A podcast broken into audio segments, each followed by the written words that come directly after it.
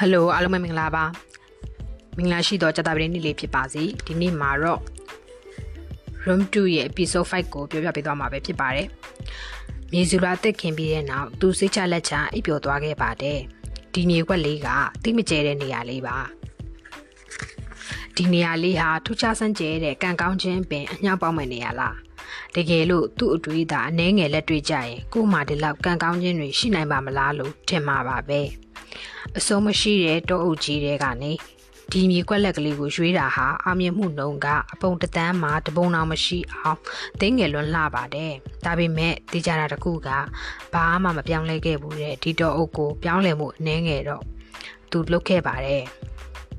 ဒီနေရာမှာကံကောင်းခြင်းပင်လုံးဝမပေါက်ခဲ့ဘူးဘူးဘသူမှလည်းဒီအပင်ကိုမမြင်ဘူးခဲ့တာဟာလူတိုင်းကတူညီတဲ့လုံရိုးလို့စင်ကိုပဲလှုပ်ခဲ့ကြလို့ပါ ချားသူလို့သူလို့သူတို့လိုက်လှုပ်ခဲ့ကြလို့ဖြစ်တယ်ထက်မြက်တဲ့စစ်တီတော်တူဦးဖြစ်တဲ့စစ်ကအများနဲ့မတူတဲ့လုံနီးကတမူတူးကြတဲ့အာမြင်မှုရရှိဖို့ပထမခြေလမ်းဖြစ်တဲ့ဆိုတာကိုနားလည်ထားပါတယ်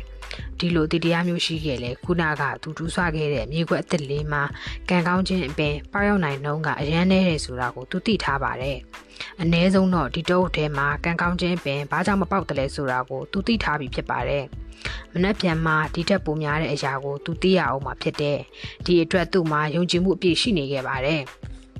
စစ်ကလှည့်ချလိုက်ပြီးမြေပြင်ပေါ်မှာခေါင်းချလိုက်ပါတယ်မျက်လုံးအစုံကသူတူးဆထားတဲ့မြေလွှာအသစ်ကိုစိုက်ကြည့်နေပါတယ်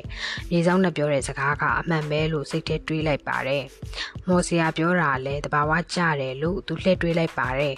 နှစ်ယောက်စလုံးပြောတာမှန်ပါတယ်ဒါပေမဲ့လည်းတွေးဝေးစေတဲ့အမှန်တရားတွေဖြစ်နေပြန်တဲ့သူလို့သူလိုမျိုးမြေစီရာဟောင်းပေါ်မှာမြေစီရာအစ်စ်ထက်ခင်းလိုက်ရင်မော်စရာနဲ့မြေဆောင်နဲ့ပြောတဲ့ကွဲလွဲမှုတွေကဖြစ်မြောက်တော့မှာမဟုတ်ပါဘူးအရင်တုန်းကကံကောင်းခြင်းပဲမပေါက်ခဲ့ဘူးတိုင်းနောက်ပိုင်းမှာလည်းမပေါက်ဘူးလို့ပြောလို့မရပါဘူး